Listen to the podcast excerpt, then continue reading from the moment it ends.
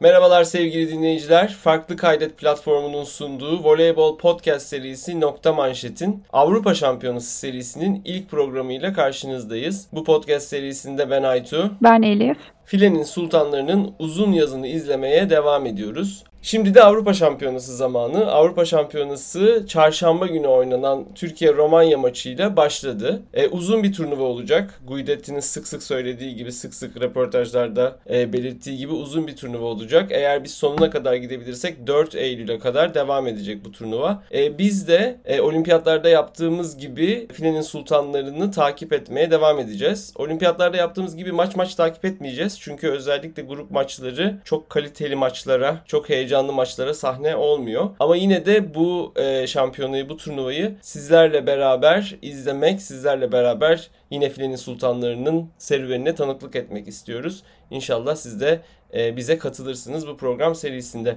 Elif, genellikle programları sana kendini nasıl hissettiğini sorarak başlıyorum. Avrupa Şampiyonası ile ilgili neler hissediyorsun? Heyecanlı mısın? Yeni bir turnuva, yeni heyecanlar. Tabii ki heyecanlıyım. Sadece beklediğimiz üzere çok kaliteli olmayan grup maçları izliyoruz. Ama bu çok heyecanımı dindiren, söndüren bir şey değil açıkçası. Diğer gruptaki maçları da az çok takip etmeye çalışıyoruz. Muhtemel eşleşmeler hakkında fikir sahibi olabilmek için. O da biraz heyecanımızı yüksek tutuyor açıkçası. Sen ne hissediyorsun? Evet, ben de ben de gayet heyecanlıyım tabii ki. Avrupa Şampiyonası öncesinde de takımımızla ilgili fazlaca tartışma vardı. Özellikle kadroyla ilgili. Şimdi o kadronun e, nasıl kullanıldığını görmek açısından belki de e, grup aşamasındaki maçlar iyi. Daha az heyecanla bu kadronun nasıl oturduğunu, nasıl kullanıldığını izleme fırsatımız oluyor. E, belki de senin de Twitter'da yazdığın gibi böyle biraz sıkılarak maç seyretmeyi özlemişiz. Ben böyle ilk Romanya maçına oturduğumuzda biraz Güney Kore maçının travmasının hala üzerinde olduğunu hissettim.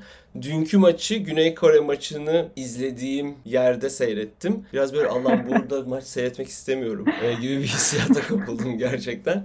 Ee, biraz o yani belki de o bütün o travmayı atmamız, takımımızın yenilenmesi, yeni oyuncuların entegre edilmesi açısından herhalde Avrupa Şampiyonası'nın görecek kolay e, grup maçları iyi gelecektir takımımıza belki de. Umarım öyle olur. Yani bu maç bir sonraki turnuva bir sonraki turnuva pek o tra- travmayı atlatmamızı sağlamayacak gibi ama dediğim gibi oturduğumuz yer ne bileyim gördüğünüz bir pas organizasyonu bir servis sayısı hep Kore maçını hatırlatacak bize maalesef. Evet böyle tüylerin diken diken olduğu bazı anlar olacak. Evet. İnşallah Avrupa Şampiyonası'ndan büyük bir başarıyla ayrılırız ki bu e, uzun yazı e, iyi şekilde bitirebiliriz. O başarı da bizi tatmin edebilecek tek başarı da sanki Avrupa şampiyonluğu artık. Ne dersin? Evet yani hepimiz madalya istiyoruz kesinlikle ama e, madalya olacaksa da renginin altın olmasını bekliyor herkes. Özellikle de 2019'da e, kıl payı kaçırdığımız kendi evimizde kaçırdığımız altından sonra şimdi herkes verdiği konuşmalarda da duyduğumuz üzere bu sefer Sırbistan'ın ev sahipliğinde aynısını onlara yapıp biz altın almak istiyoruz. Beklentimiz büyük. Bakalım e, eşleşmeler de önemli bunun için. Bir sonraki maçlar resmen bizim yolumuzu belirleyecek gibi gözüküyor. Evet şöyle de bir trend var. 2015'te biz dördüncü olduk. 2017'de üçüncü olduk. 2019'da ikinci olduk.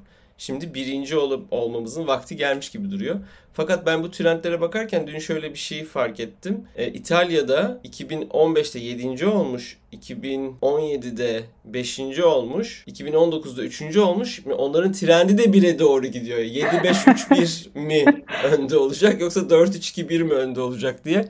Evet bir de hiç konuşmadığımız Sırbistan var tabii. Sırbistan'ın da birinci olması evet. bekleniyor. Evet turnuvanın en büyük 3 e, herhalde favorisi İtalya, Sırbistan ve Türkiye diye tahmin ediyoruz. Bunları işte sürpriz yapabilecek takımlar da Almanya, Polonya diye tahmin ediyoruz. Hollanda. Hollanda olabilir. Almanya yerine Hollanda olabilir. Evet. Belki çok böyle uzak bir ihtimal olarak Bulgaristan konuşuluyor ama fena bir jenerasyonlar olmadığı için ama tabii e, zor. Ama tabii turnuvalarda sürprizlere açık şeyler. Bu yüzden keyifli şeyler. Bakalım neler olacak. Türkiye-Romanya maçıyla başlayalım konuşmayı istersen ilk maçımızda. Maçı 3-1 kazandık. İlk seti 25-23 verdikten sonra ikinci setten itibaren rakibe karşı üstünlüğümüzü gösterdik, kanıtladık ve özellikle ikinci seti 25-10 aldık. Daha sonra da 25-20 ve 25-17'lik setlerle maçı 3-1 kazandık. E, ilk sette Tuğba ve İlkin de başladık maça. Ama İlkin hemen setin ortasında Tuğba da ilk setin sonunda maçtan alındı. Ve ikinci setten itibaren ideal altımıza, e, ideal genç altımız diyeceğimiz bir altıya herhalde döndük. Cansu Evrar, Hande Meliha, Eda Zehra, Simge. Cansu Evrar yerine Meryem Naz'ın da belki milli takımın ideal altısında olduğunu iddia edenler olabilir. O yüzden buna daha genç altı e, dedim. Ve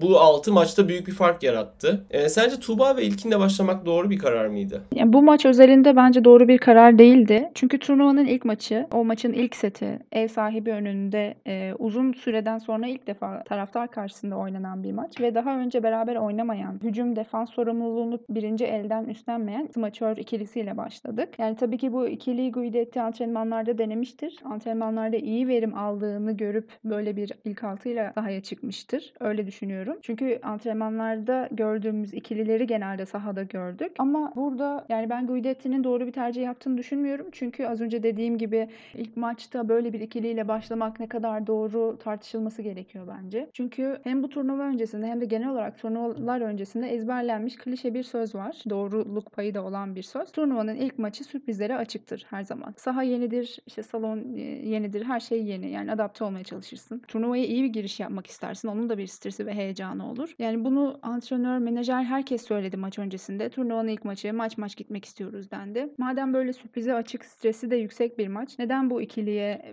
büyük bir sorumluluk yükleyip sahaya sürdük? Ben açıkçası doğru bulmuyorum. Ama şunu da söylemek istiyorum. Bu ikili 3. maçımız Romanya olsaydı bu performansı Götürürdü. göstermeyeceğini düşünüyorum. Evet. Yani bu performansı göstermelerinin sebebi sadece Tuğba ve İlkin'in heyecanı veya stresi yönetememesi değil. Cansu'nun da pas kalitesi ortadaydı. Onun da etkisi var muhakkak. Ama e, Ukrayna maçından sonra İlkin'in yaptığı açıklamalardan da gördüğümüz üzere heyecanını yönetmekte, stresini yönetmekte başarılı olamamış. Duygularımı kontrol altına alamadım dedi. Yani bence bunun etkisi vardı ve ben e, doğru bir tercih olduğunu düşünmüyorum açıkçası. Ya bu çok normal tabii. İlkin yani milli takımda 3. maçına mı çıkmış oldu? Şimdi Viyanel'de yarı finalde oynadı. Daha sonra üçüncülük maçında tüm maç oynadı. Hatta bu iki bu ikili götürdü. Üçüncülük maçında Japonya'ya karşı Tuğba ve İlkin götürdü. Senin söylediğin gibi antrenmanlarda denenmiş olmasının üstüne aslında önemli bir maç olan Viyanel'in üçüncülük maçında da e, işe yaradı bu ikili. O maçlarda yanlış hatırlamıyorsam ilk altı başlamadılar. İlk altı başladılar diye hatırlıyorum ama emin değilim şu anda. Ama yine de yani dediğin gibi Avrupa Şampiyonası bambaşka bir platform, yepyeni bir ortam. Evet Tuğba ve İlkin ile başlamak belki de doğru bir karar değildi ama zaten Guidetti de bu karardan hemen döndü. Yani birinci setin ortasından itibaren döndü. İkinci sette de Hande Melia'yı yani ideal smaçör ikilimiz diyeceğimiz e, diyebileceğimiz ikiliyi sahaya sürdü. Birinci ve ikinci seti nasıl değerlendiriyorsun? Şimdi ilk sette e, servis karşılamada asla ritmimizi bulamadık. Hani İlkin ve Tuğba çok kötü servis karşılamadı ama e, bizim kendi servis karşılama performansımızın altında bir servis karşılama performansıydı. Romanya'da bize karşılık iyi bir defansla başladı ve biz setin ortalarına doğru çok fazla hata yapmaya başladık. Servis kaçırdık, file teması yaptık, servis karşılama hatası yaptık. Romanya'da yine karşıda hem etkili defans yapıyor dediğim gibi hem de etkili servisler atmaya başladılar. Yani aslında attıkları servisler böyle çok zor servisler değildi ama bazıları gerçekten etkiliydi. E, biz de doğru düzgün pozisyon alıp kollarımızı da doğru açıda tutup açıkçası servis karşılayamadık. Daha sonrasında bu birinci sette ilkinin servis karşılama hatası sonrasında arka turda e, Meliha girdi servis karşılamak için. Bu setin sonlarına doğru Zehra iyi bir servis serisi buldu. E, hatta ace buldu bu servis serisinde. Romanya hücum hataları yapmaya başladı. Biraz panik oldu ve biz farkı kapatıp öne geçtik. Şimdi bu noktadan sonra 23-22 olması lazım. Bu noktadan sonra Twitter'da da çok tartışılan bir pozisyon oldu. Ebrar servis noktasına geldiğinde Buse ile değişti. Ön, ön turda da Ebrar'ın çaprazı pozisyonunda Cansu ön turdaydı. Cansu'nun yerine de Meryem'i oyuna aldı Guidetti. Ee, ben bu kararı doğru buluyorum. Çünkü Ebrar orada servis noktasına geldiğinde o zamana kadar iki servis hatası yapmıştı zaten. Zaten zar zor e, farkı kapatıp 23-22 öne geçmişiz. Set sonu avantajı sağlamışız. Bu riski elimine etmek istedi Guidetti. Bunu anlıyorum ve doğru buluyorum açıkçası. Cansu'nun da hepimizin bildiği üzere blok e, dezavantajı var. Bunu da kapatmak için Meryem'i ön tura aldı. Buse servisi kullandıktan sonra şeyin Romanyalı smaçörün hücumunu bloklayamadık. Ha, e, Eda ile Meryem'in arasından geçmeyi başardı smaçör ve blok tutamadık. İşte bu pozisyondan sonra Guidetti'nin e, ikili değişikliği geri alması gerekiyordu bence. Çünkü sadece o pozisyon için yapmış olduğu bir hamleydi. İşe yaramadı. Servis karşı tarafa geçti. Artık bizim maçın başından beri oynadığımız pasörümüz olan Cansu'yla ve eli sıcak olan Ebrar'la devam etmemiz Ebrar'la gerekiyordu. aynen devam etmemiz gerekiyordu. Bu değişikliği yapmadı. Buse bir tık alçak pas attı Meryem'e. Meryem blokta kaldı. Bu pozisyon pozisyondan sonra bir top geldi bizim tarafımıza. Ee, sanırım Simge karşıladı. Meliha'ya doğru gitti top. Meliha da çok kötü bir şekilde Ebrar'a yükseltti e, pası ve Ebrar da 5 metre falan açıklıktaydı fileden. Smaç filesi bırakmak istedi ama bileğini fazla kırdığı için e, fileye vurdu ve kötü bir şekilde kaybettik açıkçası. İyi toparladık, servis serimizi bulduk, güzel gidiyorduk ama az önce dediğim ilk kararı doğruydu bence Guidetti'nin. Çok da beklenen mantıklı bir karardı bence ama o pozisyon sonrasında ikili değişikliği geri alsaydı böyle bir sorun yaşayacağımızı zannetmiyorum ben açıkçası. Evet Guidetti e, bu set sonlarında pasör pasör çaprazı ikilisini değiştirip pasörü arka turda tutma e, hamlesini sıklıkla yapıyor. E, Avrupa Şampiyonası'nda da gördük bunu. Yani bir antrenör olarak da sevdiği bir hamle bu zaten. Ama sen diyorsun ki aslında sadece bir puanlık e, olmalıydı. Bu setin sonuna yayılmış olmamalıydı e, bu değişiklik. Sadece o puan için yapılmış olmalıydı bu hamle. Çünkü yani Buse Meryem e, ikilisi henüz tam bir uyum yakalayamamış gibi gözüküyorlar değil mi?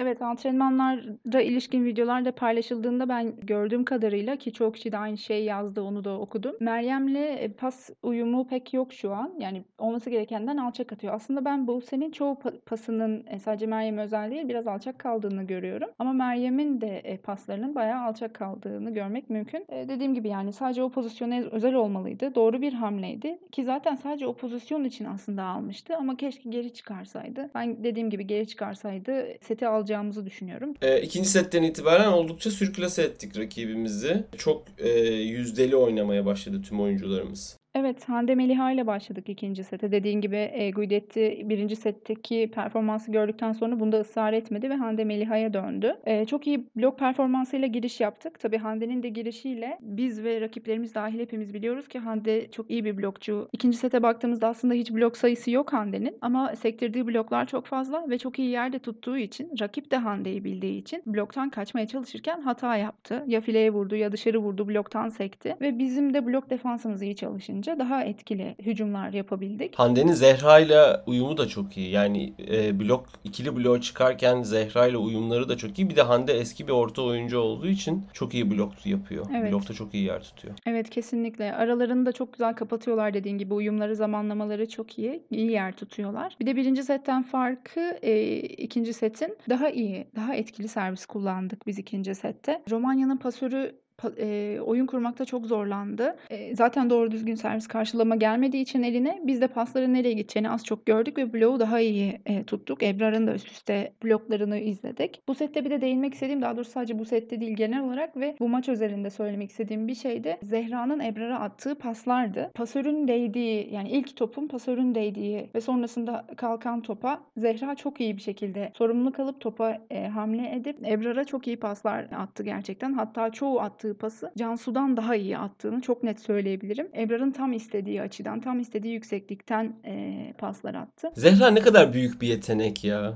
Yani hem servis e, servisleri çok etkili, orta oyuncudan beklenmeyen e, defanslar yapabiliyor. O fiziğe rağmen. Bloklarını zaten söylemeye gerek yok. Evet. Yani defansların o fiziğe rağmen yapıyor olması. Pasları da çok güzel. Yani tekniği iyi bir orta oyuncu böyle hakikaten zor bulunan bir şey. Yani sadece fiziği değil. Yani blok dışındaki oyunun unsurları için de tekniği gerçekten çok iyi. Gerçekten Zehra'nın gelişimini izlemek çok büyük bir keyif veriyor hepimize. Evet Eda da aslında böyle bir oyuncu. Eda'nın da defansları çok iyi. Eda'nın da pasları da çok iyi. İkisi birlikte gerçekten çok iyiler. Yani hem pasta hem defansta, serviste. Zehra'nın belki servisleri bir tık daha etkili ama Eda'nın da gerçekten etkili servisleri ve ace'leri olabiliyor maç içerisinde. Zehra zaten solakmış sanırım. O yüzden de biraz e, tek ayağa gitmede, adımlamada, vücudun o pozisyonunda falan sıkıntı yaşıyormuş sanırım ama genel olarak birbirine benzeyen ve çok üst düzey orta oyuncularımız var gerçekten. Evet Zehra'nın zaten 3 numaradan yaptığı hücumlar o kadar iyi ki ve o kadar güçlü bir kolu var ki e, Zehra'nın Zehra'nın kas kütlesine çok büyük bir yatırım yapıldı. Yıllardır Vakıfbank'ta ve milli takımda ve kol gücüne. O yüzden belki de tek ayakta çok da gerekli de kal- olmuyor Zehra için. Evet yani bu maç özelinde aslında Zehra ve Cansu arasında bir uyumsuzluk vardı. Hatta tek ayakta Eda ile arasında da uyumsuzluklar olduğunu gördük. Yani Zehra mı topa erken giriyordu yoksa Cansu'nun mu pasları fileye çok yakın veya alçaktı bilmiyorum. Yani gerçi ikisinin de olduğu pozisyonlar olduğunu çok net gördüm. O Zehra'nın alışık olduğumuz vurduğunda top e, ölen e, sayılar çok fazla göremedik. Belki 3-5 tane vardır. Geri kalan hep bir şekilde defansa yöneldi veya işte bloktan sekip belki sayı oldu.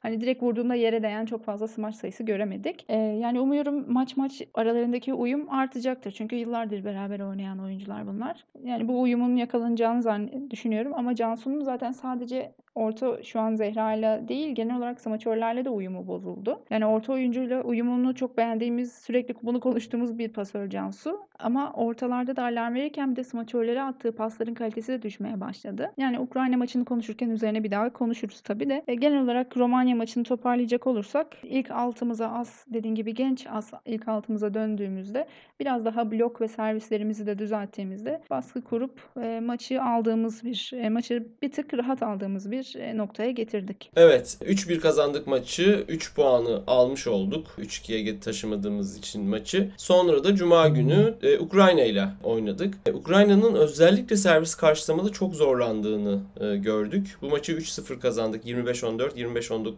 ve 26-24'lük setlerle. E, servis karşılamada Ukrayna çok zorlandı. Bu maçın tamamında İlkin ve Tuğba ile oynadık. İlk maçta başladığı e, smaçör ikilisine geri döndü Guidet. Yani bu smaçör ikilisinde özellikle grup maçlarında bir tık inat edeceğinin sinyalini verdi bence. Ne diyorsun? Bu gelişmeyi sevindirici buluyor musun? Yani zaten Avrupa Şampiyonası'nın en azından bir kısmında İlkin'in, Buse'nin hatta Derya'nın da ama Derya maalesef katılamadı e, Guidetti'nin seçimiyle milli takıma entegre edilmesini bekliyorduk. Ama şimdi ilkin ilkin özellikle ilkinin milli takıma oldukça iyi bir şekilde entegre edildiğini izlemekteyiz. Kesinlikle sevindirici buluyorum ben bu gelişimi ve bizim az önce konuştuğumuz gibi olmuş sanırım. Yani onların da heyecanı nedeniyle sorumluluğu ya da hani fazla geldiğini gördü bence Guidetti ve bir şans daha vermek istedi. Belki de daha önceden de planlanmıştı. Yani hani siz iyi oynasanız da kötü oynasanız da ben ikinci maçı da sizinle çıkacağım da demiş olabilir çok önceden. Ee, ya da ya bu da kararı Romanya maçında ha, evet evet kendi kendine demiş olabilir ya da Romanya maçından sonra bu kararı vermiş olabilir. Hani ben yine de aynı ikiliyle başlayacağım. Belki kendinde de bulmuş olabilir hata payını. Kendine de yormuş olabilir. Ya ben kesinlikle sevindirici buluyorum ve dediğin gibi grup maçlarında da bu ikiliyi oynatmayacaksak ne zaman oynatacağız zaten? Çünkü e, Hande'nin de Meliha'nın da düştüğü, aksadığı anlar çok oluyor.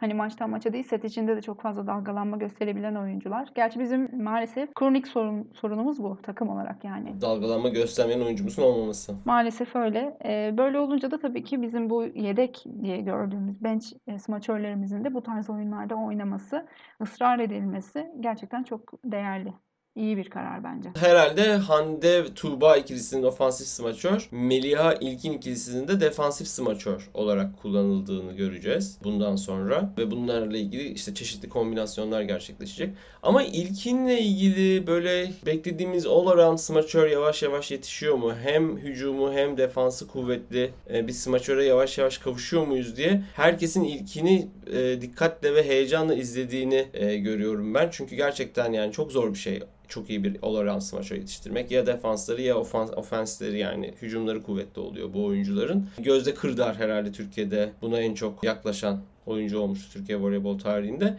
İlkinin de bu gelişimi e, heyecan verici gibi gözüküyor. Bu maçta da %44 ile hücum etmiş İlkin. Bir smaçör için kötü bir yüzde değil. Yani çok çok iyi bir yüzde olmasa da kötü de bir yüzde değil. Evet, e, hücumlarında da e, servis karşılamasında da iyi performans gösterdi İlkin. Dediğin gibi komple bir smaçör olması beklenen bir oyuncu. Belki de dediğin gibi ileride gözde kıvamında bir oyuncu olması bekleniyor. Ben işte bunun gibi maçlarda yeterince süre alırsa e, servis karşılamasını ve defansını da geliştirip hücumlarına bu şekilde devam ederse iyi bir performans göstereceğini ve milli takımda e, sürekli yer alacağını düşünüyorum. Gerçekten de ümitliyim kendisinden de. Bu maçta Cansu biraz eleştirildi çok iyi paslar atmadığı konusunda. Sanırım sen de bu eleştirileri gerçekleştirdin Twitter'da. Ama pas dağılımına baktığımızda pasör çaprazlarına yani genel olarak maçta pas dağılımına baktığımızda Pasör çaprazlarına 43, ortalara 36, smaçörlere 36 pas gittiğini görüyoruz. Yani iyi bir pas dağılımı. Bu fena bir pas dağılımı değil. Belki pasör çaprazı biraz fazla. Ve Buse ve Meryem'in birlikte oyuna girdiği zamanlarda da Buse çok iyi bir performans sergilemedi. Cansu niye sence eleştirildi ya da sen niye eleştirdin Cansu'yu bu maçta? Cansu'nun dediğim gibi bildiğimiz, en iyi bildiğimiz yani özelliği ortalarla olan uyumuydu. Şimdi ortalarla uyumda çok sıkıntı yaşadığını gördük. Zehra ile 3 numaradan Eda ile de tek ayakta zaman zamanlama ve e, pas uyumsuzlukları çok dikkat çekti açıkçası. Onun da dışında smaçörleri iyi pas atan biri ama genelde smaçörleri unutan bir pasördü. Ama smaçörleri attığı paslar da pasların da kalitesi düşmeye başladı. Mesela Tuğba'nın alması gereken paslar hızlı, yatık, tempolu paslar olması gerekirken filenin içine çok giren veya çok alçak kalan hatta bazı anlarda da çok fazla yüksek kalan toplardı. Artık parmak ucuyla yetişip plase bıraktığı anlar oldu Tuğba'nın. Bloğun içine vurmak zorunda kaldığı anlar oldu. Ben maçı özellikle e, tekrarını izlediğimde Romanya'nın ilk seti için konuşuyorum şu an. Yani geri dönerek. Tuğba'nın sadece iki hücumunda kendi hatası olduğunu, geri kalanların pas hatası olduğunu gördüm. Yani bu tamamen benim değerlendirmem. Romanya maçında, ilk maçta. Bu maçta da e, Ukrayna maçında da yine aralarında bir e, anlaşmazlık olduğunu gördüm. Hani tabii pas kötü geldi, kötü vurdu deyip de geçmek istemiyorum. Hani kötü de gelse bir şekilde öldürmesi beklenir oyuncuların ama yani bir noktadan sonra hiçbir şekilde istediği pası alamayınca bence Tuğba da düştü. Zaten yüzü de hiç gülmüyordu maç boyunca. Sürekli bir üzgün gözüküyordu. Bir de Tuğba kendi özel bir pas isteyen de bir oyuncu yani yani senin dediğin gibi e, birazcık daha bir yani özel bir şekil bir pası tercih edebilecek bir oyuncu Tuğba. Evet sen hep söylüyordun ya kolu kol çekme hızı gerçekten hızlı. Böyle olduğu zaman onu kullanamıyor. Onu kullanamadığı zaman da istediği şekilde pas öldüremiyor. Toplarını öldüremiyor. Bu da tabii birleşerek pas pas bu şekilde oynadıkça da oyuncu düşüyor ister istemez. Ebrar'ın da aslında yüzdesinin düşmesine neden oldu bence Cansu. Cansu'yu beğendiğimi ve ne kadar çok sevdiğimi herkes biliyor. Bunları söylemek beni gerçekten çok üzüyor açıkçası ama e, doğruları konuşmak gerekiyor. Cansu'nun e, Ebrar'a attığı pasları da ben hiç beğenmedim. Ama dediğin gibi Buse yerine girdiğinde Buse de daha yavaş oynatıyor. Ayrıca Cansu kadar etkili servisleri yok. Onu da geçtim. Cansu kadar defans da yapamıyor Buse. Cansu defansa çok daha atik ve etkili. Yani şu an Cansu ile devam etmemiz ve onun da form bulmasını artık ne bileyim duacı olmamız gerekiyor bence. Evet. E, çünkü bilmiyorum yani Cansu'yu kapatacak pasör şu aşamada Buse değil gibi gözüküyor. Ama hani daha fazla zaman alırsa, takımla uyumunu sağlarsa belki Buse de denenebilir uzun vadede. Ama savunma açığı kapanmaz bu senin. Yani Cansu'nun savunmadaki artık atiklik mi o atlamak mı isteklilik mi? Yani gördük işte e, Melia ile çarpıştığı pozisyonda da. Hatta bazen smaçörler kızar Cansu'ya. Yani ben Şeyma'nın falan Cansu evet Cansu sen niye atlıyorsun bu topa? diye bağırdığını çok iyi bilirim. Çünkü ilk topa atlamaması beklenir yani pasörün. Bu sene şöyle bir avantajı var. Boyu uzun olduğu blok. için blok avantajı var. Hatta girdiğinde bir blok yaptı maçtan da bir sayı o blok sayısıyla çıktı. Ama bunların hepsini düşündüğümüz zaman şu an bu performansına rağmen Cansu ağır basıyor. Umalım ki dediğim gibi yani bu uyumu sağlasınlar. Çünkü bu grup maçları henüz biz nasıl Tuğba'yı e, ilkini ne bileyim işte Meliha'yı eleştiriyorsak e, Cansu'yu da eleştirmemiz gerekiyor ve aynı çerçevede düşünmemiz gerekiyor. Madem onlar da form bulmaya çalışıyor. Cansu'nun ben toparlayacağını düşünüyorum. Yani Cansu istekliliğiyle her şeyi halledebilecek gibi gözüküyor. Yani şimdi Hollanda maçına kadar biraz kredisi var. Bir de birazcık da yoruldu gerçekten oyuncularımız. Ee, biraz yoruldu deyince aklıma gelen bir isim de Simge. Dünkü maçta çok çok iyi bir performans sergilemedi. Özellikle de defansta, e, yer savunmasında e, ve birazcık eleştirildi. Sanki biraz yorulmuş ve sıkılmış gibi gözlemliyorum ben Simge'yi. Yani benim benim öyle özel bir gözlemim olmadı açıkçası. Hani yorulmuş mu acaba yoksa sıkılmış mı bilemeyeceğim ama e, defansın yanında servis karşılama performansı da iyi değildi Simge'nin. İki tane ardarda arda karşıya kaçırdığı servis vardı. E, onun dışında da yine tam pasöre ulaşmayan servis karşılaması vardı. Romanya'da da bu çok dikkatimi çekti. Smart servisleri doğru düzgün asla karşılayamadı. Smart servisleri neredeyse hiç alamadı. Alamadı derken ace olduğu şeklinde değil. İyi manşet getiremedi. Pozitif manşet bile getiremedi. Çoğu negatif manşetti. E, ve bu Ukrayna maçında da devam devam etti. Hatta olimpiyatların bazı maçlarında da biz yine Simge'nin servis karşılama performansını tartışmıştık. Hatta Kore maçında da maalesef benzer bir pozisyon Konuşmayalım yerde. Yani sadece bir maç, bir pozisyon üzerinden tabii ki oyuncuyu eleştirmek doğru değil ama dediğim gibi 3-4 maçtır gelen bir form düşüklüğü var bence Simge'nin. Libero'nun bir de servis karşılama ve defansın yanında avanta topları yani ikinci pas. topları pas e, verme sorumluluğu da var ve pas performansını da hiç beğenmediğim bir e, libero Simge kulüp olsun, milli takım olsun attığı pasların yani hat, hatta yani kulüpte birlikte oynadığı Hande'ye attığı pasların bile yeri ve yüksekliği ideal ol, olmuyor çoğu zaman. Yani Ayça girseydi inanın çok daha iyi oynardı diye düşünüyorum. Çünkü ben Ayça'nın çok da kötü bir libero olduğunu düşünmüyorum. Imoku e, maçında çok şey Ayça'yı eleştirdi ama Ayça'nın Imoku maçında iyi bir maç çıkardığını ben düşünüyorum. Sadece bir iki pozisyonda işte Gabi'nin önüne atladığı veya falan gibi e, Gabi'nin onun önüne atladığı bazı pozisyonlar olmuştu ama ben e, Simge'nin bu, böyle düştüğü maçlarda Ayça'nın e, oyuna girmesini tercih ederim ve e, iyi de işe de yarayacağını düşünüyorum açıkçası. Yani en azından denenebilir. Evet Ayça da denenin. Yani bu grup maçlarında Ayça da oynamalı gerçekten de. Simge de yavaş yavaş yaşlanıyor. 30 yaşına geldi. Hoş Ayça da çok çok genç bir e, libero değil. E, 25 yaşında bildiğim kadarıyla Ayça da. E, ama o yüzden onun da yani takım entegrasyonunun ilerlemesi lazım. Ben çok uzun zamandır Ayça'yı sahada hatırlamıyorum milli takımla. Evet ben de hatırlamıyorum son maça hangi maça çıktı acaba. Hatırlayamıyorum ben de şu an.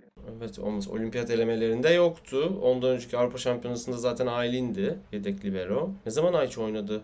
Çok uzun zamandır Ayça yok. Biennale'de oynadı Ayça. Çok ilginç. Ama bir hatırladığımız bir performans olmamış o da. Bu maç genelinde bir şey daha söylemek istiyorum bu arada. Şimdi sen de söyledin azıcık aslında. Yani maç geneline baktığımızda evet pas dağılımı dengeli gözüküyor ama bunun nedeni ikinci ve üçüncü sette smaçörlere biraz daha top atmaya başlamamızla alakalı.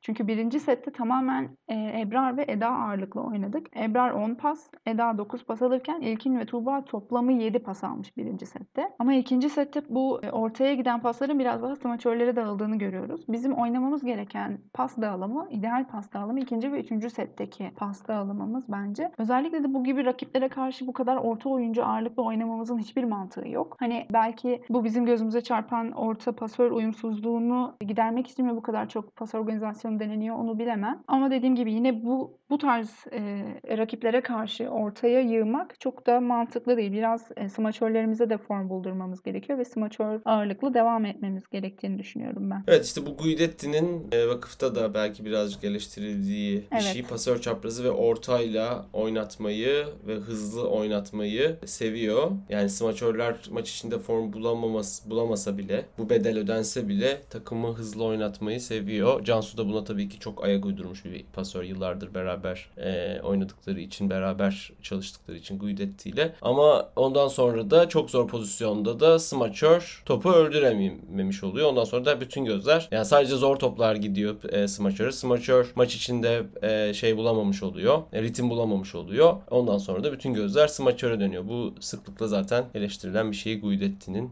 oyun tarzında. Sanki smaçörü sadece manşetle servis karşılasın diye düşünüyormuş gibi bir e, durum ortaya çıkıyor diyorlar ama yani sanki Türkiye takımı da birazcık buna uygun gibi. Bakalım göreceğiz bundan sonraki maçlarda nasıl ilerleyecek. Bu iki maçta da ligimizin yani grupta oynadığımız ilk iki maçta da ligimizin Sultanlar Ligi'nin önemli pasör çaprazlarının liderlik ettiği takımlara karşı mücadele ettik. E, Alexia Karataşu geçen sezon Sistem 9 Yeşilyurt'ta e, oynamıştı ve Sistem 9 Yeşilyurt'un Challenge kupasını kazanmasında da çok büyük bir emeği, çok büyük bir katkısı vardı. Ama Alexia'yı Romanya maçında %38'de tuttuk. Bir pasör çaprazı için oldukça düşük bir yüzde. Sadece 17 sayıda tuttuk. Yine ligimizin önemli pasör çaprazlarından biri olan Olesya Rihliuk'u da ikinci maçta Ukrayna'nın e, lideri diyebileceğimiz, baş hücumcusu diyebileceğimiz pasör çaprazı Rihliuk'u da e, %29 ile oynattık. Sadece 11 sayı e, kazanabildi Rihliuk. Bu iki pasör çaprazını da yakından tanımamızın ekmeğini yedik diyebilir miyiz? Evet diyebiliriz çünkü maç öncesi kamera çekimlerinde de gördük. Görmesek bile biliyoruz.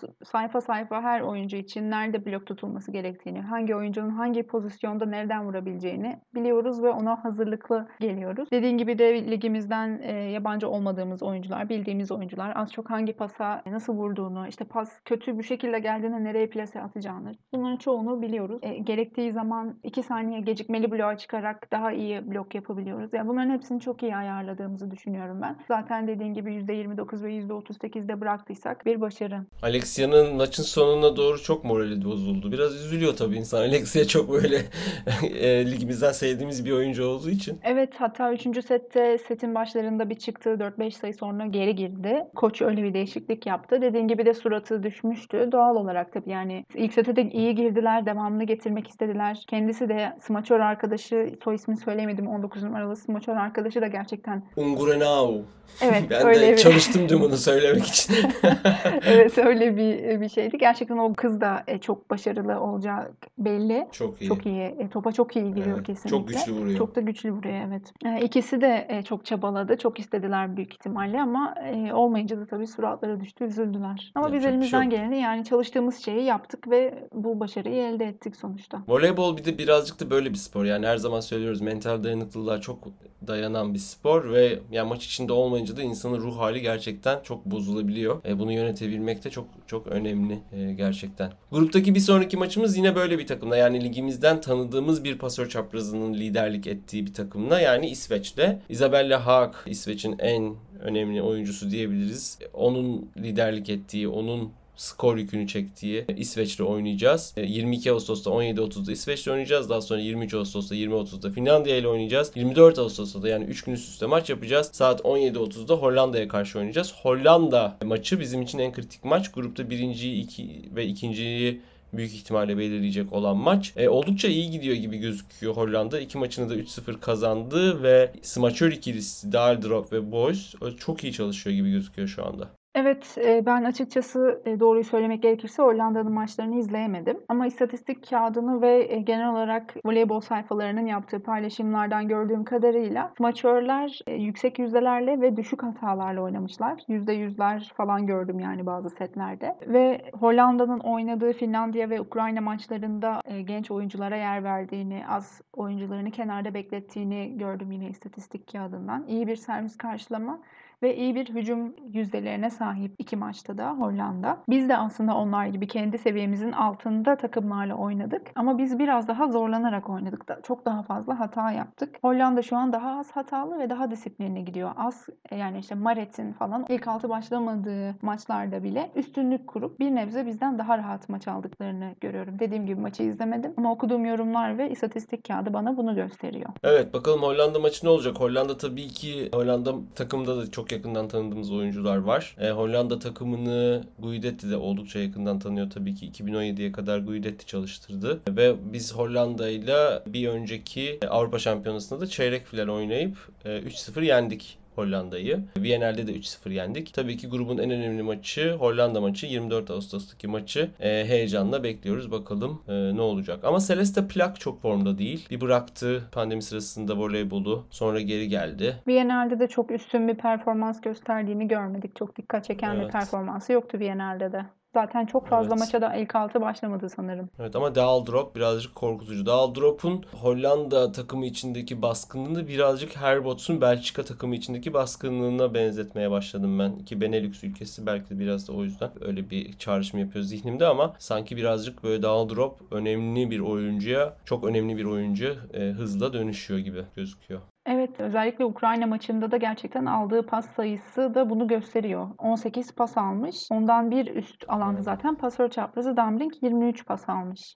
Neredeyse pasör çaprazı kadar pas almış yani. Evet ve %50 ile oynamış, sıfır hata. Hiç de bloklanmamış. Çok iyi bir performans. Elif belki yeri gelmiştir. Pasör çaprazının ne olduğunu biraz dinleyicilerimize söyleyelim mi? Şimdi voleybolu yeni seyretmeye başlayan seyirciler için bu yaz büyük ihtimalle yeni seyretmeye başlayan birçok yeni voleybol seyircisi, voleybol sever var. Pasör çaprazı birazcık böyle kafa karıştırıcı bir kavram olabilir. Bu pasör mü çapraz ne demek o? Yani niye bu kadar önem veriyoruz biz bir oyuncuya? Aslında pasör çaprazı baş hücumcu demek. Evet kesinlikle. Değil mi? Oyunun hücumcularından biri ve baş hücumcusu. Yani takımın skor yükünü üstlenmesi beklenen bir oyuncu e, pasörün çaprazında konumlanan e, bir e, hücumcu. Smaçörlerden farkı servis karşılamaya e, girmemesi yani servis karşılamaması. E, bunun da nedeni tahmin edileceği üzere smaçörler servis karşılamaya girdiği girdikten sonra adımlama, işte açılma gibi bunları yapabilmek için daha kısıtlı zamanı oluyor. E, ama siz bir oyuncunuzu yani pasör çaprazınızı servisten kaçırdığınız zaman istediği kadar açılıp o hücuma hazırlanabiliyor ve istediği adımlamayı, istediği yüksekliği bulup hücum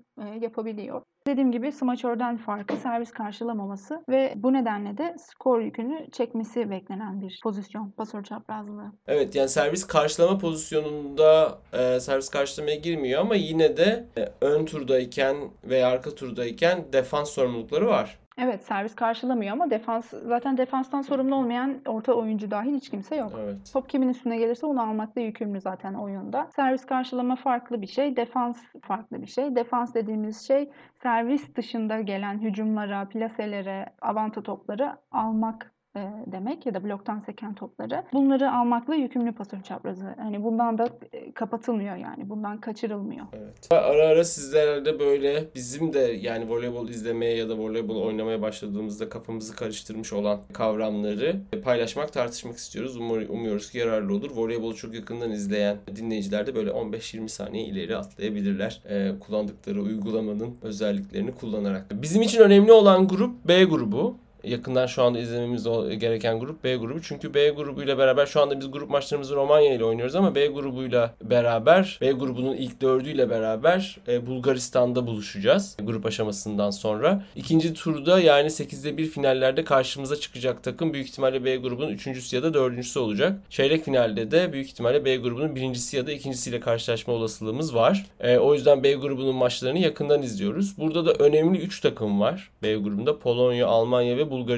Birinci ya da ikinci çıkması muhtemel takımlar karşılaştı ve Polonya Almanya'yı bence etkileyici bir performansla 3-1 yendi. E, Ştizyak'ın tam 30 sayıyla oynadığını görüyoruz. Ve normalde örneğin olimpiyat elemelerinde smaçör oynayan Ştizyak pasör çaprazı olarak oynadı. E, ve tam 30 sayıyla oynadı bu maçta Almanya'ya karşı olan bu maçta. Ve takımın yeni kaptanı olan ve aslında baş e, as e, pasör çaprazı olan e, Schmarzey'in de yedek pasör çaprazı olarak arada oyuna girdiğini gördük gördük. E, sanki ilginç bir yeni bir kombinasyon deniyor gibi hissediyorum ben e, Polonya. Ştiz yakın pasör çaprazı ve az pasör çaprazı olduğu. Onun zaman zaman oyundan düştüğü zamanlarda da Smarzey'in girdiği bir kombinasyon deniyor. Çünkü Ştizyak birazcık yorulabilen bir oyuncu. Ben ona ona bir tedbir almaya çalışıyorlardır gibi hissettim ben. Olabilir. Yani geçtiğimiz turnuva olan Viyenerler'de, olimpiyattan önce e, düzenlenen Viyenerler'de Polonya aslen pasör çaprazı olan Stişyak'ı smaçör olarak oynattı. Çoğu maçta da böyle oynadılar ve bu nedenle bu kurgudan dolayı da kaybettikleri maçlar oldu. Çünkü e, yani pasör çaprazısınız. Az önce konuştuğumuz üzere servis karşılama tekniğiniz üzerinde çok çalışmamışsınız. Çünkü öyle bir sorumluluğunuz yok. Ama siz pozisyonun dışında smaçör olarak oynadığınız zaman servis karşılamanız bekleniyor. Ve e, Stişyak da bunu çok iyi gerçekleştiremedi. E, zaten e, fiziki bir dezavantajı var. Yani o kadar yani 2 metre 2 santim boyunda. Esnek. Evet esnek bir oyuncu değil. Esnekliği de geçtim. Dediğim gibi yani o tekniğe de sahip bir oyuncu değil. Böyle olunca da iyi bir servis karşılama performansı gösteremedi. Sanırım Viyenerlerde az pasör çaprazını bulmaya çalıştı antrenör bu şekilde. Ya da ben böyle devam edebilir miyim diye e, denemelerde bulundu. Ve sanırım ki Stişyak'ı bundan sonra az pasör çaprazı gibi oynatacak. Veya bazı maçlarda Smarsek'le bazı maçlarda da Stişyak'la başlayacak gibi gözüküyor. Ve e, dediğin gibi de ara ara bu ikiliyi e, hem dinlendirmek hem de oyun kurgusunu çünkü sonuçta bu iki oyuncunun oyun stili farklı. Bunları değiştirmek, oyunun yönünü değiştirmek için de bu ikili değişikliği yapacak gibi gözüküyor. Evet Ştizyak'ı pas, e, smaçöre çekip bu iki çok güçlü oyuncu yani Smarze'yi de e, da oyunda tutmak gibi bir amaç vardı. Sanki birazcık e, Boşkoviç, Mihailovic e, kombinasyonunu hatırlatıyordu ama herhalde artık çalışmamaya başladı bu e, durum ki tabii ki yani Şizak senin dediğin gibi defansta büyük bir problem yaratıyor. Çünkü smaçörün arka alanı geçtiğindeki en önemli e, işlevlerinden biri de 6 numaradaki çok geniş alanı korumak. Geniş bırakılan alanı korumak. Onu da Şizak'ın çok yapabileceği bir şey değil gerçekten. Yani oradan oraya uçması gerekiyor. Şizak onu çok yapamaz. Herhalde bu da çalışmadığı için artık daha yeni bir şey denemeye başladı Polonya. Bu iki pasör çaprazını alternatifle oynatarak. Bakalım neler olacak, nasıl ilerleyecek gelecek. Polonya ikinci maçında da Yunanistan'ı 3-0 yendi. Bu arada yoluna kayıpsız devam etti. Şizyak bu maçta da 21 sayıyla oynadı. Almanya ilk maçı Polonya'ya 3-1 kaybettikten sonra ikinci maçında Çek Cumhuriyeti'ni 3-1 yendi ama Almanya çok güven vermiyor sanki oynadığı maçlarda. Ben biraz izledim bu maçları. Bu olimpiyat elemelerinde gördüğümüz çok atik, çok hızlı, çok dinamik oynayan ve Lipman'ın da neredeyse her topu öldürdüğü e, şekilde oynamıyor gibi gözüküyor Almanya. Öyle gözüküyor gerçekten. Almanya'nın sanırım tek iyi oynayan oyuncusu Libero ve Azmayer. Şey smaçör Azmayer. Azmayer evet. Evet, eee, onun dışında pasör gerçekten pek iyi paslar attığını düşünmüyorum ben. Pasörün de çok fazla uyumsuzluğu var. Onun dışında Lipman bildiğimiz Lipman gibi oynamıyor. Hiç top öldüremedi doğru düzgün. Servisleri de etkili olurdu Lipman'a. Doğru düzgün çok fazla etkili servis attığını da görmedim ben. Almanya genel olarak çok etkili servis atan bir takım değil. Polonya maçında kaçıncı set hatırlamıyorum. Sanırım aldıkları set olabilir. Etkili servisler atmaya başlamışlardı ama servis ritmini de e, tutturamadı. Defansıyla öne çıkan bir takım. İyi defanslar yaptılar ama ya, hücumda isteneni gösteremedikten sonra yaptığın defansların da çok fazla anlamı kalmıyor açıkçası.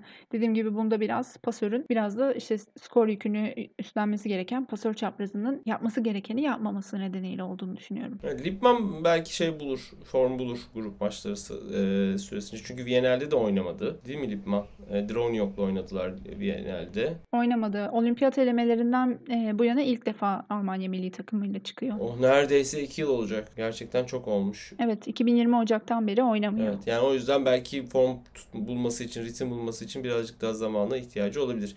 B grubunda Polonya birinci olacak gibi gözüküyor. E, şu anki oynayış, şu anki performansa göre Almanya ve Bulgaristan'da ikincilik mücadelesi vereceklermiş gibi gözüküyor. Almanya-Bulgaristan maçı da pazartesi günü 19'da oynanacak meraklısına. Buradan duyuralım. B grubu maçlarını da e, yakından takip etmeye devam edeceğiz. Çünkü dediğimiz gibi hem e, 8'de 1 finallerde yani ikinci turda 16 takımın mücadele ettiği ikinci turda hem de çeyrek finallerde B grubundan takımlarla e, oynayacağız. E, Bulgaristan'da. E, tabii ki bizim gruptan çıkmamız halinde halinde ama şimdi iki maçı kazandığımız için gruptan çıkmamız artık zaten çok büyük bir e, olasılığa dönüşmüş durumda. Birazcık gözümüzü çeyrek finale çevirmiş durumdayız sanki. Yani çeyrek finale kadar olan e, mücadeleleri umuyoruz ki özellikle Hollanda maçında kayıpsız geçeceğiz. Bu ilk programımızın kapanışını nasıl yapmak istersin Elif? Avrupa Şampiyonası ile ilgili ilk programımızın kapanışını. E, genel olarak e, maç seyir zevki çok yüksek olmasa da maçları keyifle ve heyecanla izlemeye devam edeceğimi düşünüyorum ve bu farklı rotasyonları da gördüğüm için aslında çok mutluyum. Diğer yandan beni alt eden Polonya'yı e, izlemeye devam edeceğim. Çünkü ben Polonya'nın Stishak ve Smarzek'le birlikte oynayacağını düşünerek düşük sıralarda tahminde bulunmuştum Polonya için. Ama e, yanıldım ve Polonya'nın şu an grup birincisi çıkma e, ihtimali olduğunu görüyorum. Almanya'yı daha iyi bekliyordum. E, Almanya da beni şaşırttı. Almanya'yı daha alt sıralarda bekliyorum. Bulgaristan'dan büyük bir beklentim vardı. O şekilde devam ediyorlar. Yani bundan sonraki özellikle bizim de İsveç maçımız olmak üzere B grubunun da maçlarını heyecanla bekliyorum. Evet B grubunda İsveç maçını da heyecanla heyecanla izleyeceğiz. İkimizden çok yakından tanıdığımız Isabella hakkında nasıl bir performans göstereceğini merakla bekliyoruz. Dediğimiz gibi Almanya-Bulgaristan maçı da B grubunun önümüzdeki günlerdeki en önemli maçlarından biri olan Almanya-Bulgaristan maçı da pazartesi günü saat 19'da. Bizim maçlarımız da pazartesi, salı ve çarşamba günü. Biz de Avrupa Şampiyonası ile ilgili ikinci e, programımızı Hollanda maçından sonra sizlerle buluşturmayı planlıyoruz. Dinlediğiniz için çok teşekkür ediyoruz. İleriki programlarda görüşmek üzere. Hollanda maçından sonra görüşmek üzere.